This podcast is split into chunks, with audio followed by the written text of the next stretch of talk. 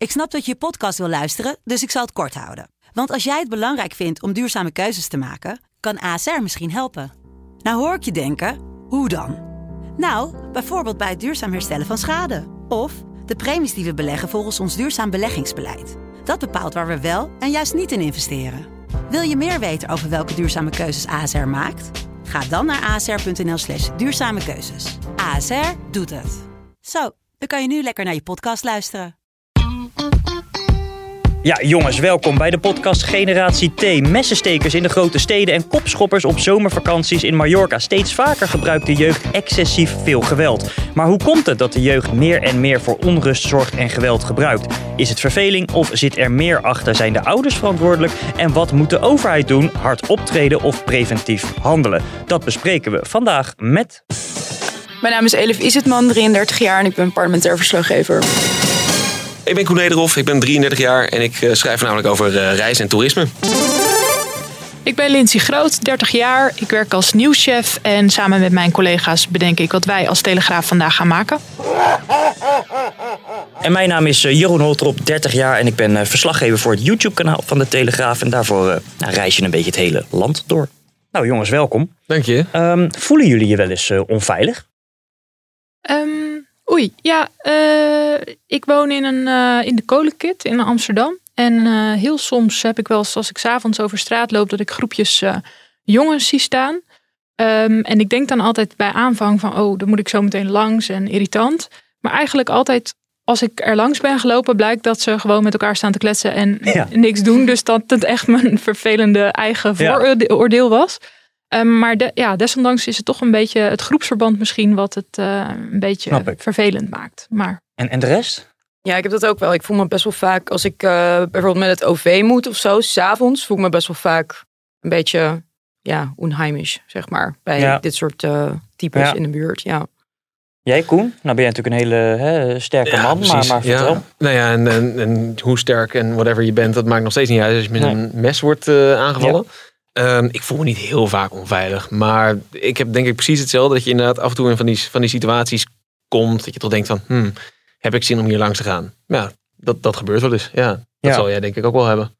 Oh, zeker. Zeker. Ja, ja nee, zeker. Uh, hebben jullie... ja, nee, zeker, absoluut. Uh, hebben jullie wel eens uh, gedacht van, ik, ik heb een wapen nodig om mezelf te verdedigen? Nee, nee, dat heb ik. Uh... Ook niet toen je jong was, zeg maar, toen je mm, puber nee. was. Nee, ik ben niet zo uh, gewelddadig. Ik ben nooit ook in een uh, vechtpartij beland geraakt. Nee. Ik heb wel, als ik echt aan een heel onveilig moment denk, heb ik wel eens meegemaakt op het station dat er echt een. nou ja, die, die was gewoon psychotisch. Er was een dakloze oh ja. die echt heel dicht op je, op je kwam staan. Dat je denkt, oh, nu moet ik eigenlijk echt mezelf in bescherming nemen en gewoon weggaan. Maar een wapen, nee, hm. ik zou echt niet weten wat ik ermee moest. Nee. En, en, en vriendjes, vriendinnetjes vroeger, hè, in de puberteit, uh, merkten jullie veel dat, dat, ja, dat er dan wapens uh, op zak waren of niet? Nee, helemaal niet. Nee, nee, nee, wij waren nog een beetje van de oude stempel. Ja. Dat je dus gewoon met je sleutelbos uh, in je knokkels loopt. Zeg maar. Ja, dat doe ik eigenlijk ja. nog steeds wel eens. Maar, en ik had vroeger ook een keer dat... Uh, toen had mijn moeder mij een keer als cadeautje een rape alarm gegeven. Ik weet niet of je weet wat dat is. No way. Maar dat kon je toen kopen. En dat was een soort ja, een soort, leek op een USB-stick, kon jij een sleutelbos hangen en er zat een pinnetje in. En als je die eruit trok, kwam er echt een onwijs hard gegil uit. Oké. Okay. En dat had ze aan mij en mijn zusje gegeven toen we iets van 14, 16, zoiets waren.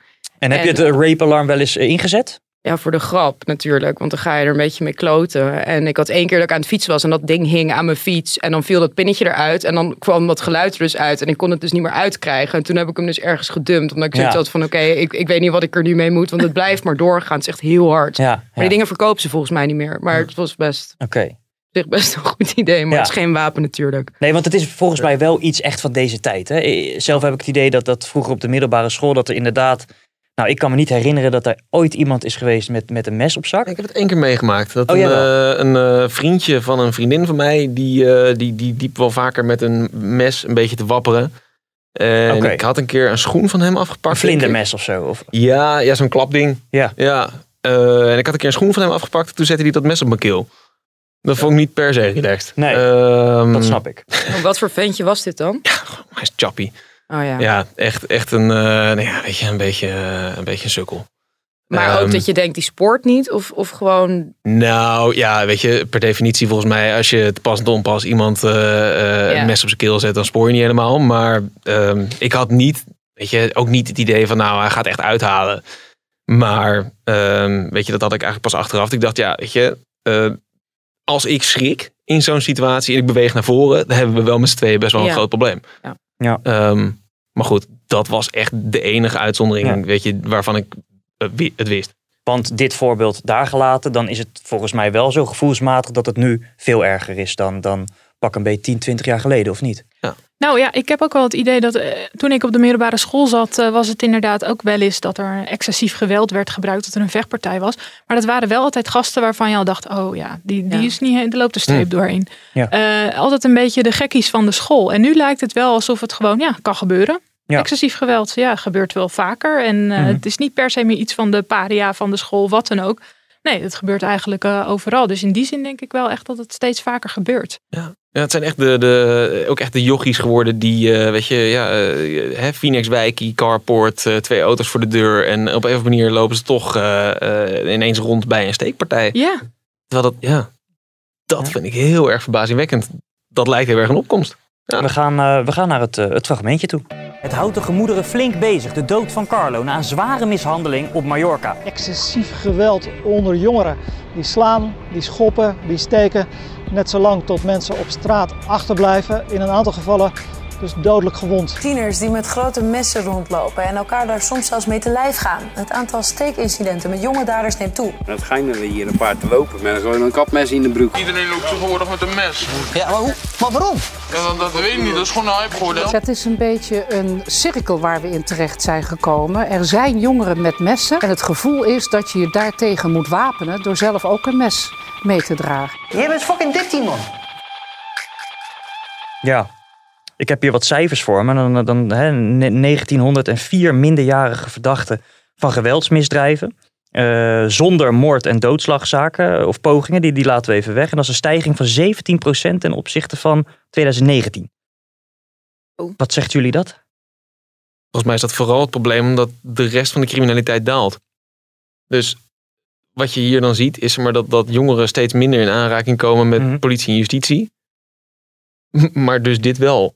Ja. Dit neemt dan wel toe. Dat ja, dat, als je dat in perspectief zet, dan krijg je wel een heel raar, Ja. een heel raar beeld. Maar wa- waar komt eh, die drang vandaan, eh, denken we, bij jongeren om, de, om dus gewoon steeds vaker geweld te gebruiken? Wa- Wat is nou de oorzaak?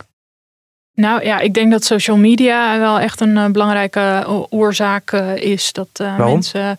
Nou ja, dat je online gewoon eh, heel snel ruzietjes kan maken. En eh, ook Oh, van ja. alles eh, onder foto's of video's kan zetten. En je reageert eronder, je maakt een kutopmerking. Iemand anders maakt ook een kutopmerking. Dat loopt uit de hand. En je komt elkaar tegen en, en je voegt de daad bij het woord. Ik denk dat dat wel.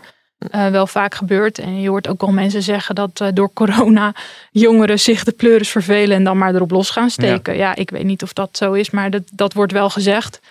Geloof Eh, ik niet zo. Ik, eh, volgens mij jij ook niet, als, als ik het zo hoor. Maar Nou ja, ja, het lijkt mij niet een hele gezellige bezigheid op de vrijdagavond. Maar ja, eh, ik las van de week een eh, relaas van een wijkagent in, in Lopik of all fucking places.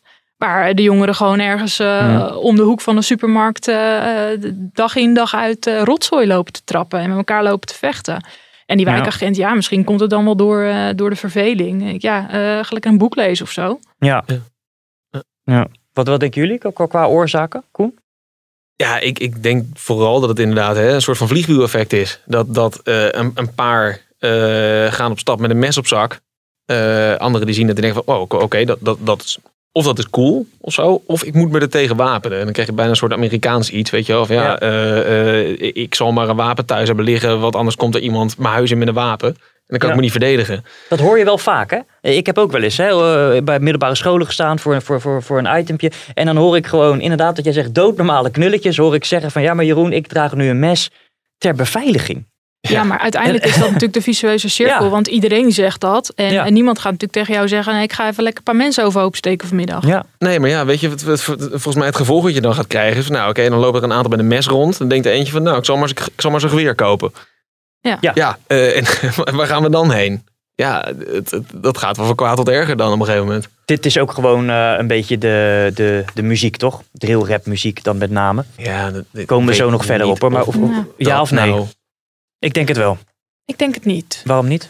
Nou, mede omdat ik eh, voor, voorafgaand aan deze podcast eventjes een rapportje zat te lezen van Mhm. twee criminologen in Rotterdam. Die dus de opdracht hebben gekregen van ja, hoeveel van die geweldsincidenten zijn nou gerelateerd aan, aan drill rap.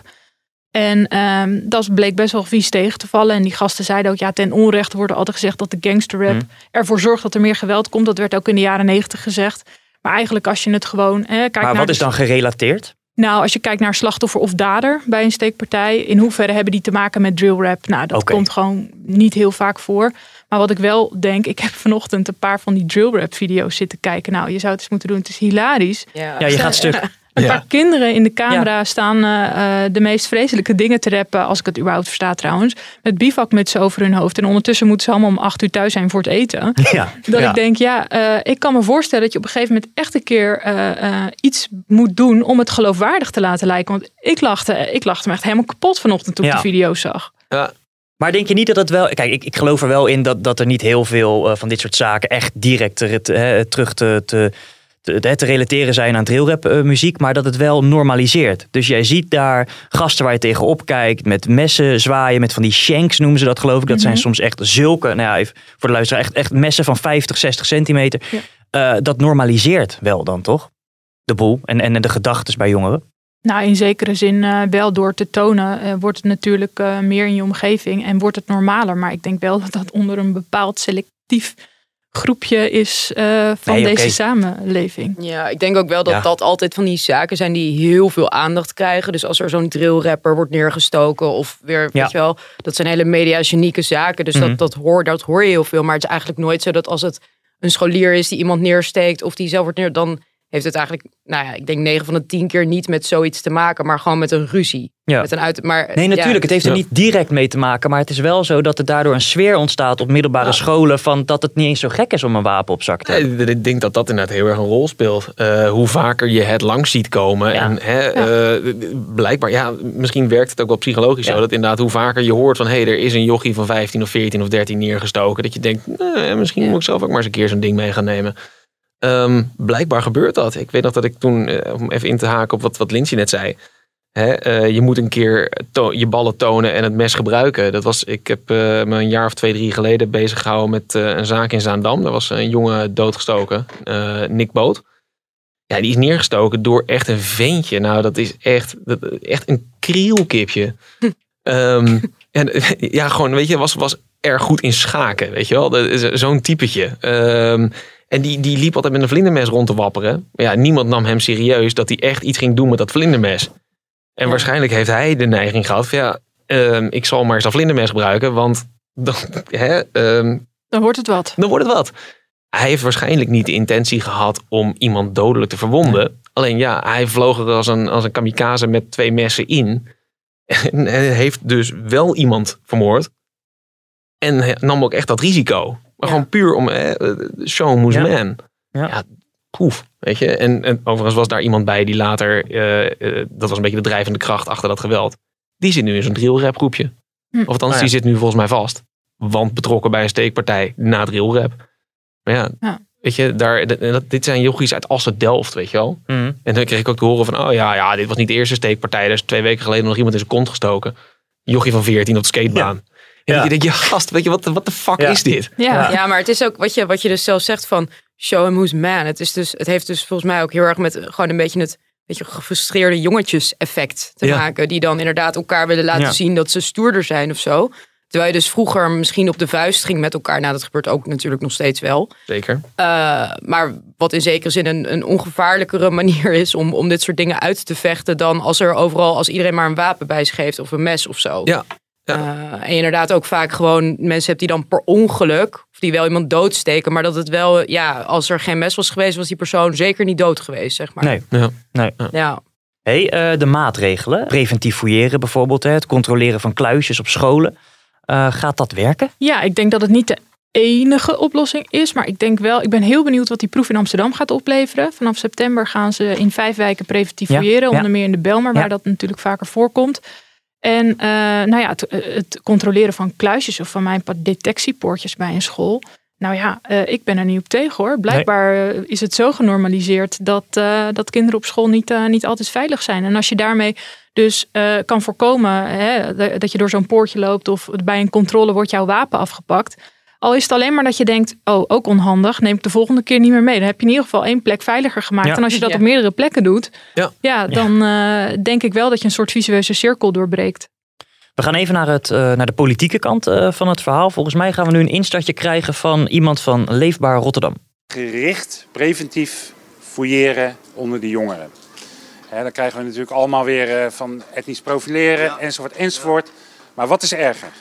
Dat onze kinderen gewoon doodgestoken worden. Dat is wel een goed punt, denk ja. ik. Ja, ja. ja het, het heiligt het doel de middelen. Nou, in dit Precies. geval denk ik wel.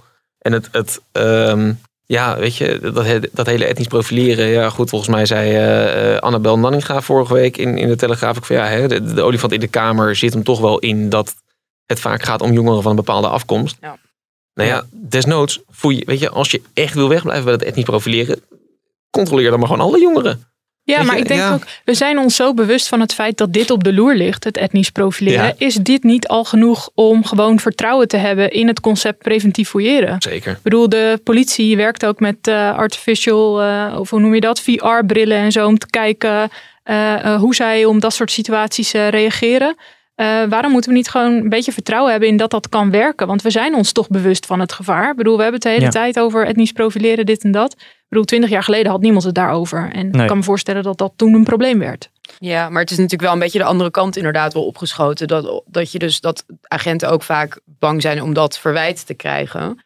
En het in dit geval, wat, wat inderdaad Annabel ja. Nanninga eerder ook al zei, het komt wel veel meer voor onder ja, jongeren met een allochtone afkomst. Dus het verwijt van etnisch profileren ligt ook weer op de loer. Als je dat wel juist bij de mensen gaat doen die aan het profiel voldoen. Maar dat is altijd een beetje zo met, met criminaliteit ja, ik bedoel, etnisch profileren soms, volgens mij moet het soms ook bepaalde ja. type ja. misdrijven. En dit Tuurlijk, is er denk ik wel een van, of in ieder geval in bepaalde wijken, bepaalde locaties, waar dan toevallig ook vaak uh, jongeren van een andere afkomst voorkomen. Want zo, zo is het natuurlijk ook vaak.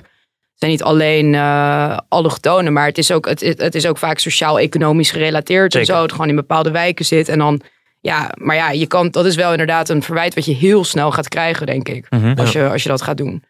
Um, staat dit voldoende uh, op de, de politieke agenda, dit probleem? De, de, dus nou ja, het, het, excessieve geweld onder jongeren?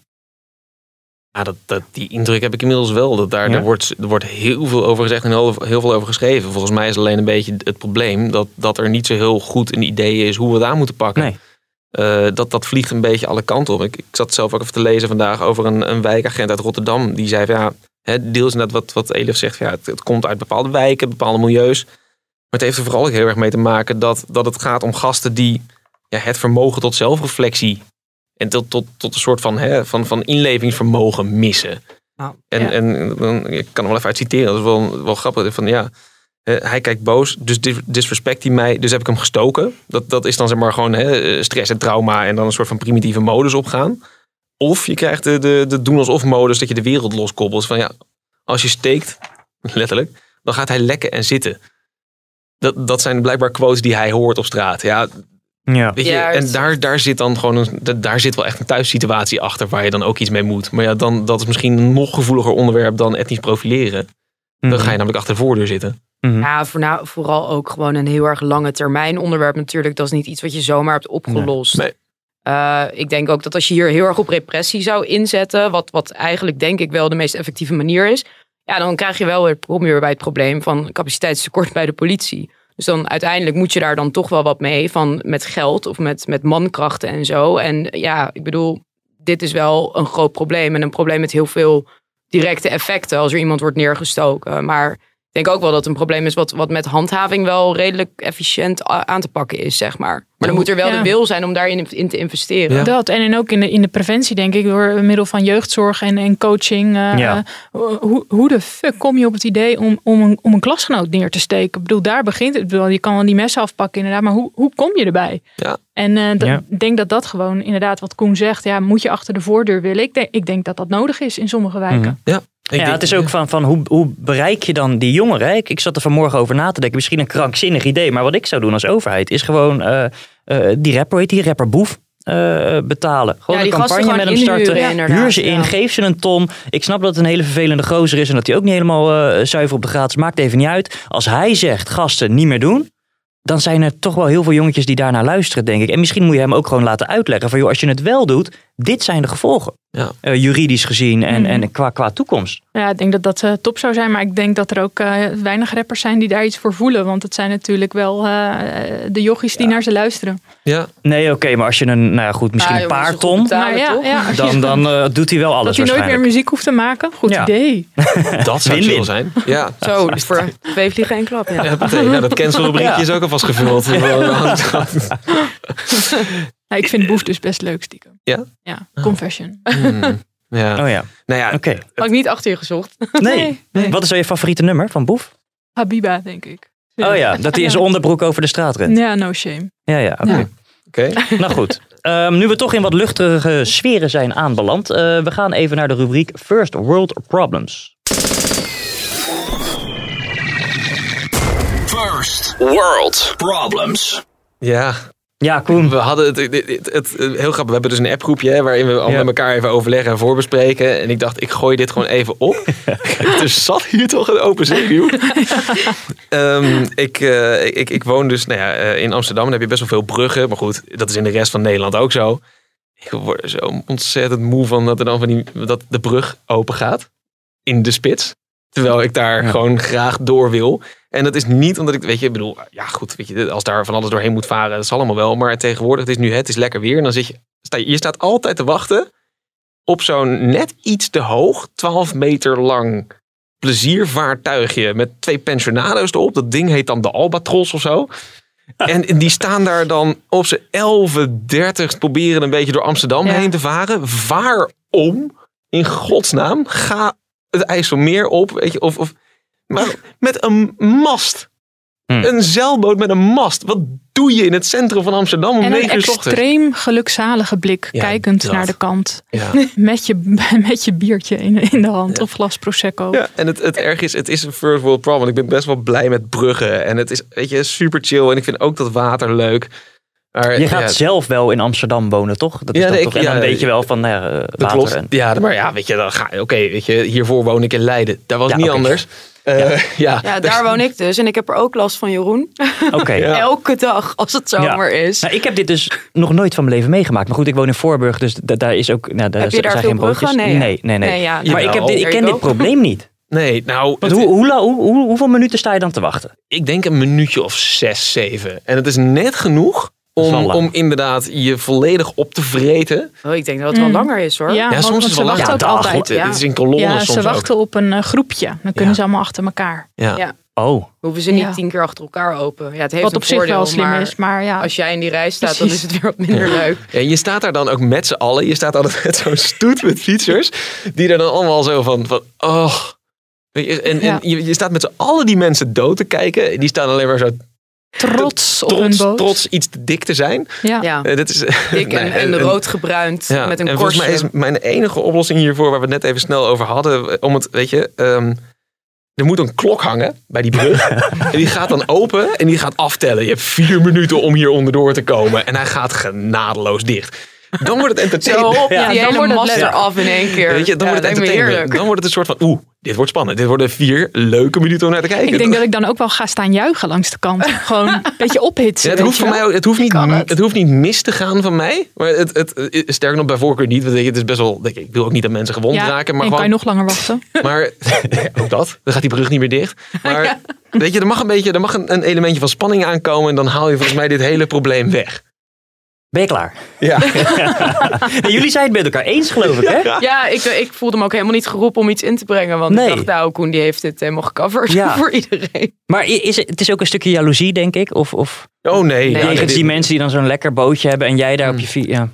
Nou, nee, ik, ik, ben, ik hoef Nee? niet per se de trotse bezitter van de Albatros te zijn. Of eh, van, de, van de, de- ja, je, die dingen hebben ook altijd van die vervelende namen. Nee, maar heb je ook niet het idee dat ze het expres doen? Dat ze dan denken, oh, we gaan dan daar varen. Zodat we inderdaad, wat jij zegt, kunnen Ah, kijken naar iedereen. weg. Die moet... Naar Nou ja, maken jullie langs de kant. Op hun stalen rossen. Ja, Ja. Die ergens heen moeten, weet je wel. Die naar hun werk moeten. Ja. Ja, precies. Terwijl ik eh, gepensioneerd ben. eh, ja, precies. Schaapjes op het droge, alles Ja. gefixt. Er wordt op jullie neergekeken, jongens. Ja. Ehm, We gaan door. Terug naar het, eh, het hoofdonderwerp. Eh, hè, het geweld onder jongeren, eh, steekpartijen, et cetera. Eh, hoe kijken we aan tegen de rol van ouders? Zijn die verantwoordelijk voor ja, de misdragingen van eh, het kroost? En dan heb ik het bijvoorbeeld over Mallorca. Hè? Dat zijn dan jongens waarbij dat kopschop-incident eh, van volgens mij tussen de 18 en 20 jaar. Mm. Ja, dat, ja, die zijn meerderjarig. In hoeverre is er dan nog een rol weggelegd voor de ouders? Ja. Nee, die, bij meerderjarigen niet. Nee, nee, verantwoordelijk niet. Maar ik denk wel dat ze zich emotioneel de ogen uit hun kop mogen schamen. Tenminste, dat zou ik wel doen als ik een kind had wat eh, iemand had Mhm. doodgeschopt in een badplaats. Ja. Toch? Ja, en ze Ja. zullen zich waarschijnlijk wel verantwoordelijk voelen. Alleen ze zijn het natuurlijk ten alle tijde eigenlijk niet. Nee, sowieso Eh, juridisch niet. Want ouders worden er niet voor gestraft. Eh, maar ja, ik denk wel dat eh, ouders zich daar verantwoordelijk voor mogen voelen. Ja, maar ik, ik heb wel het idee dat hè, bij, die, bij die is, maar als je het hebt over die, die messenjeugd. eh want hè, die, die kopschoppers is misschien ook weer een beetje een categorie apart. Eh, dat, dat zijn niet de jongens, denk ik, die de hele tijd met, met messen rondlopen en, en maar een beetje in het wilde weg om zich heen steken. Nee, maar ook Maar het met- kopschoppen Ja. zie je wel toenemen. En ik snap dat is ook altijd met, met drank en zo. Maar Mm. het is anders, maar het is ook wel gewoon echt. eh, Ja, het eh, heeft aan allemaal toenemen. met van die, van die kneuzenfrustratie te Ja. maken, toch? Het zijn Ja. gewoon van die losers die gefrustreerd zijn. Ja. Nee, maar met, met hè, van die gastjes van 14 die met een mes rondlopen. Ja, die wonen gewoon nog echt thuis bij papa en mama. En, en vaak eh, heb je dan toch een beetje de indruk dat papa en mama helemaal niet zo goed weten waar eh, ik al de jongens zo'n lief mee bezig is. Ehm, ja, weet je, dat is wel jouw verantwoordelijkheid. Jij zet een kind op de wereld. Ga het even opvoeden. weet je? ik ook. Ehm, en Absoluut. eh, laten we wel wezen, bedoel, weet je, we hebben toen we jong waren, hebben we allemaal wel eens wat doms gedaan. We hebben ook allemaal wel eens een tik gehad of een tik, eh, een tik uitgedeeld. Vast, het zal allemaal wel. Maar op het moment dat jouw zoon dag in dag uit met inderdaad zo'n shank eh, in zijn rugzakje naar school gaat en jij hebt dat niet door, misschien moet je het even iets beter gaan regelen. Ehm, en ik denk echt dat je daar ouders wat degelijk op aan kan spreken. Volgens mij gebeurt dat in sommige gemeenten ook, dat, dat eh, als een jongere wordt betrapt met een, eh, met, met een wapen, dan eh, wordt dat gemeld aan de ouders. En daar wordt ook bij gezegd, luister, als, we dit nog een keer, als dit nog een keer gebeurt, dan stellen we ook jullie aansprakelijk. En ik vind dat echt heel goed. Weet je, laat die ouders het dan maar voelen. Dat zijn namelijk de mensen naar wie die jongens in ieder geval nog zouden moeten luisteren. Ja. Ehm, en, en ja, weet je, het, het, fix het. Weet je, Eh, je gaat mij niet vertellen dat als je een kind relatief prima opvoedt, dat het dan, weet je, dat het dan heel erg de neiging heeft om met een mes rond te gaan lopen. Misschien oversimplificeer ik het enigszins. Misschien kom ik hier over 16 jaar ontzettend van terug. maar ehm, ik kan me dit wel zo voorstellen. Ja, ik vind wel dat eh, ouders daar best wel eh, nog meer verantwoordelijkheid, eh, dat daar meer verantwoordelijkheid gelegd mag worden. Las ik in dat stukje wat je daar eh, bij je hebt over Dekker, die, eh, eh, die, die ouders wat eh, harder wil aanpakken. Daarin eh, hebben ze het over de Britse aanpak, waarin het veel strenger is allemaal en waar ouders gewoon eh, eh, ja, letterlijk strafrechtelijk vervolgd worden. Op het moment dat een kind onder de 14, meen ik, eh, voor een ernstig geweldsdelict eh, wordt veroordeeld. Denk ja, eh, een kind Ja. van, van 13 kan niet zelfstandig nog nadenken. Eh, of in ieder geval is nog niet volwassen. Dus moet je het bij de ouders ook leggen. Is dat de oplossing volgens jou dan? Jij bent voorstander van nou ja, het strafbare, hè, het vervolgen van ouders in, zo, in zo'n geval? Ehm, ja. ja, ik vind het eh, tot een zekere leeftijd vind ik dat helemaal geen gek idee.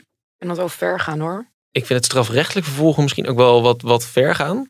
Eh, maar ik denk bijvoorbeeld wel bij een ernstig gewelddelict. ehm eh, eh, schadevergoeding. Laat de ouders daar maar verbloeden. Eh, laat het maar een keiharde financiële prikkel zijn dan. Ja. Je hoeft van mij als, als, eh, eh, als vader of moeder echt niet de cel in. Omdat je kind iemand heeft neergestoken. Maar eh, luister, weet je, be- betaal maar. Ja, dat, dat is Ehm, wel... En ook, weet je, want, want eh, zeker als dit bijvoorbeeld grote gezinnen zijn. Ja, als het één zo'n kind is, dan, hè, dan eh, gaat het misschien met die anderen ook niet zo lekker. Dwing ze maar om hulp te accepteren. Ja, Dwing ze maar om gewoon hè, instanties over de vloer te laten die het eventjes beter gaan regelen dan dat jij het hebt gedaan in de 14 jaar dat je dat Ja. kind al onder ja, je ik hoede denk, had. wel, ik denk wel dat je de rol van de ouders heel erg overdrijft in, eh, hierin. Want ik denk, ik denk dat het in heel veel gevallen niet... Ja, ik bedoel, voor heel veel eh, omgevingen wel... van dat is eh, geen goede opvoeding geweest en zo. Maar ik denk ook wel dat het bij, gewoon bij mensen kan gebeuren... waar die in principe niks fout hebben gedaan als ouder... Maar dat dat kind dan weer met, met foute types omgaat. Of wat ik al zei, gefrustreerde kneus is die, die zijn mannelijkheid wil laten zien en zo. Gewoon de puberteit. Ja, en ik vind niet dat je daar echt een ouders eh, soort van de, de ja, regie over kan geven. Ik denk niet dat zij er in die zin heel veel aan kunnen doen. Mm, Nee. Nou, misschien Ja, moet ik- ook niet bij de eerste keer strafrechtelijk vervolgen of beboeten, maar wel als het structureel gebeurt. Ja. Ik bedoel, ik kan me best Ja, ja. voorstellen dat, een, eh, eh, dat, het, dat je een kind goed kan opvoeden en dat het toch betrokken raakt bij een, eh, bij een geweldsdelict. Maar als dat vijf keer gebeurt, ja, dan eh, zit er toch ergens Ja, wel maar dan iets heb je denk ik een kleine psychopaat eh, in handen. En dan moet je misschien naar andere eh Ja, dan oplossingen ook- gaan kijken dan naar de ouders, zeg maar. Ja, en dan, moet, dan is die gedwongen hulp eh, misschien juist wel een, een oplossing Ja. daarin. Ja. Mo- Moeten scholen dit, dit anders aanvliegen? Hier je betere voorlichting ingeven? Is het probleem misschien wel zo groot inmiddels dat scholen hier gewoon in, in moeten doseren van, van wat wel en wat niet te doen? Of ja, wat is de rol van scholen eigenlijk? Nou, ik denk niet dat scholen echt een informatie, eh, eh, hoe heet het, verplichting hebben. In die zin dat die kinderen daar toch niet naar gaan luisteren. Maar ik denk wel dat scholen in termen van beveiliging misschien wat meer kunnen doen. Mhm. Of Waar we het net over hebben gehad Ja, eigenlijk. precies. Ja. Maar niet, niet van, oh, we gaan nu een, een les geven à la verzorging of zo. Waarin Mhm. we dan gaan vertellen van, je moet niet met een mes rondlopen, want dat nee, is nee, nee, dat, nee dat bedoel ik ook niet. Maar ik bedoel wel van, eh, ik heb soms het idee dat die gasten gewoon niet doorhebben. En dat is oprecht heel zielig, wat de gevolgen kunnen zijn. Ja.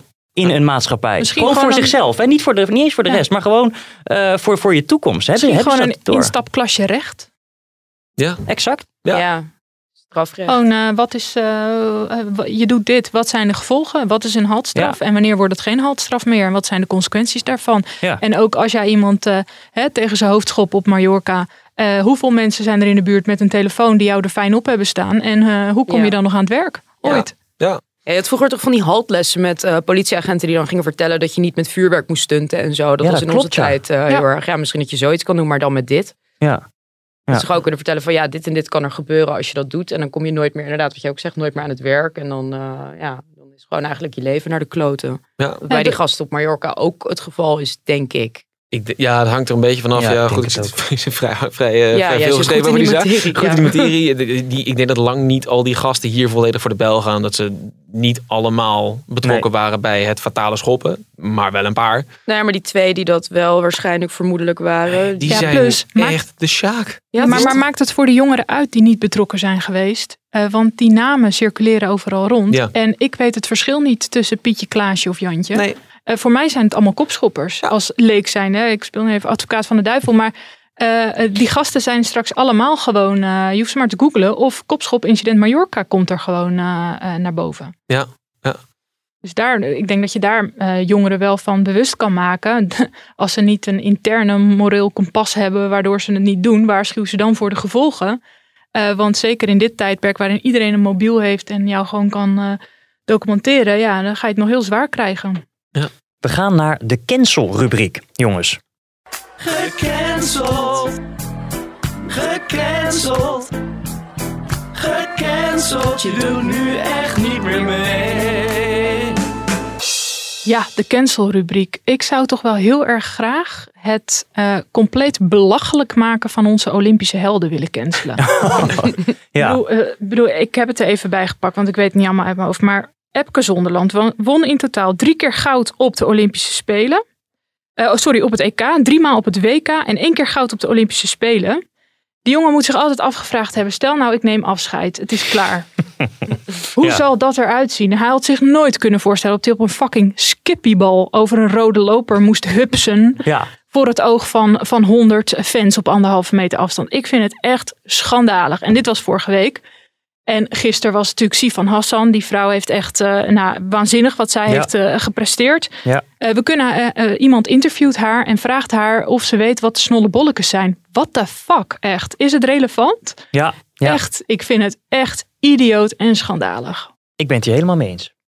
Ja, maar Epke had ook gewoon niet op die skippiebal kunnen zitten. Je Ja, dat zeggen was van joh, steek maar de zon schijnt die ja. skippiebal. Ja. Ja, maar Nou, dat had ik zo goed gevonden. Ja. Dan was Ja. het pas een held Dat geweest. was super Klopt. chill geweest. echt gewoon, ja. dan moet in gewoon nee, zitten, ga ik niet doen. Ja. Doe het gewoon Epke heeft niet echt een hele recalcitrante uitstraling. Nee. Die gast Nee. is de goedheid zelf. Ja, maar Maakt het extra mooi als hij gewoon zegt, ik doe dit niet. ik doe dit niet. Ik ga gewoon lekker ratslagen maken langs al die fans, weet je. Ja. Prima, kijk maar even. Echt, niet te Ehm, geloven. Ja, maar ik ben het wel met je eens. Wat, wat, wat bezielt je om te denken... ehm Oeh, we gaan hem in het zonnetje zetten. En, en wat voor brainstorm sessie is dat? Ja, nee, maar serieus. Ja, ja, Ja. inderdaad. Zo, daar was ik graag Want- bij geweest. Hier zit... Weet je, ik bedoel, die, die, die verslaggever die vroeg... Wat zei, weet je, oké, de snollebolletjes, dat, dat goed was misschien niet handig. Maar iedere verslaggever stelt wel eens een onhandige vraag. En dit was er wel eentje uit het boekje. Achteraf bezien misschien Niet niet, de meest. Maar hier zat echt een team achter bij Epke. Ja. Weet je, van, Hier zijn- wow. Ja, hier zijn mensen gewoon in teams waarschijnlijk bij bij elkaar gekomen. Ja, mensen hebben gedacht dat het een goed idee was. Ja. Ja, En, en- denken dat waarschijnlijk nog steeds. Ja, ja. en dat, dat, dat gebeurt natuurlijk vaker. En, en ja, ehm, ik zou daar dan, weet je, als Olympische helden ook over denken van, nou, doe hier lekker niet aan mee. Kijk maar eventjes. Echt niet normaal. Nee, maar goed. Ja, ben het hier volledig mee eens. Wat zou jij voorstellen, hoe zou je ze wel willen eren? Nou, niet, niet met een skippiebal. Ik denk gewoon in een, eh, in een, in een of een arena. Allemaal bij elkaar in één bubs. Maar dit was natuurlijk door corona moest je al aanpassingen maken. Maar door gewoon eh, goede speeches en, eh, en misschien een optreden of zo. Maar dit soort achterlijk. Ik moest meteen denken aan de koning. ja. Die op een gegeven moment op de koning spelen met toiletpotten stond te smijten. Oh ja. Daar moest ik helemaal aan denken. Bedoel, waarom doen we zulke idiote dingen op dat soort evenementen? Maar goed, nou ja, ik denk gewoon eh, dat je het kan aanpakken zoals we eigenlijk vaak doen met huldigen. Gewoon een goede speech, een optreden. Geef de jongen een bos bloemen. Ja. Dankjewel. En Ja. eh, wel thuis. Ik, ik, ik me- allemaal niet zo moeilijk te Nee, zijn. maar ik vraag me ook altijd af, weet je wel, dat, dat, dat hè, bijvoorbeeld, we hebben die eh, Tom Dumoulin, die werd toen gehuldigd toen hij de Giro had gewonnen. En volgens mij zijn we er in de jaren daarna achter gekomen dat als Tom Dumoulin één ding niet zo leuk vindt, dan is dat heel erg in de spotlight staan. En die jongen hebben we dus met man en macht daar op een podium in Maastricht neergezet. Ja, ehm, misschien was dat dan ook niet zo'n heel goed idee. Ja, kan je net zeggen, ja, leuke speech, weet je wel, maar ja. Ja, maar die ga je niet op een skippybal zien hoor. Denk ik. Dat denk ik Nee, ook die, niet. nee, die heeft dus wel het karakter om dan gewoon Ja. te zeggen van dikke, dikke vinger, ik ga naar Ja. huis. Die Ja, vond, vind ik heel goed. Ik weet dat er toen een musical over hem werd gemaakt. Oh. En dat hij toen te horen kreeg van... Oh, dat, vind ik, dat hij echt letterlijk reageerde van... Ja, maar daar heb ik helemaal geen toestemming voor gegeven. Ja, ja, ja, ja. Ja, Oh, ja wat goed. sta je daar beteuterd met je musical. Met je musical. We gaan terug naar het, eh, het Ja. hoofdonderwerp, jongens. Eigenlijk gaan we hem afsluiten. Ehm, nog even een klein rondje eh, wat betreft de oplossingen en, en, en maatregelen. Ehm, willen we nou dat, dat er eh, harder, keihard wordt opgetreden? Of eh, zoeken we het meer in preventieve maatregelen? Ja, ehm, lullig antwoord misschien, maar ik denk een combi van beide. Ja, je Ja, moet, lullig eh, antwoordje. Ja, sorry. Hmm.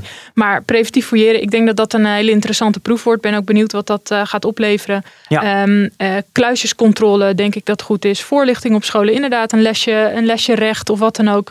Eh, Ja. En gewoon eh, eh, Campagnes ook, zou, zou ik zeggen. campagnes. En, eh, en verder eh, ja, de ouders coachen en ook er keihard op aanspreken als het faalt. Nou, jij, jij brengt dus ook aan in deze podcast van... joh, kijk even hoe, hoe je ouders strafrechtelijk kan vervolgen na een x aantal keer. Ja, ja. Daar ben jij wel voorstander van. Nou ja, ja. De rest. Nou, ik vind dat je die, eh, die jongetjes best wel gewoon wel echt hard kan aanpakken. Dus ik, eh, al die softe dingen, die softe maatregelen kan je ook wel doen. Maar ik vind dat je in, in eerste instantie echt gewoon heel hard moet aanpakken. En gewoon echt moet laten voelen dan al van, eh, joh, dit is gewoon niet oké. En Mhm. je gaat gewoon, ja, misschien uit het jeugdrecht halen of zo. Dat soort oplossingen. Want ik vind het, ik vind het gewoon echt niet normaal gedrag. Nee. Het is gewoon echt, het is heel giftig. Er gaan mensen dood. Het is gewoon ook onnodig. Gewoon, zoals de VVD zou zeggen, keihard aanpakken. Oké. Ja, ik ben het daar best wel mee eens. Ja, ik, ik denk inderdaad dat het hele korte klap van, van hè, we gaan, eh, dat zijn ze volgens mij nu aan het doen, messenbezit verbieden eh, onder de 18.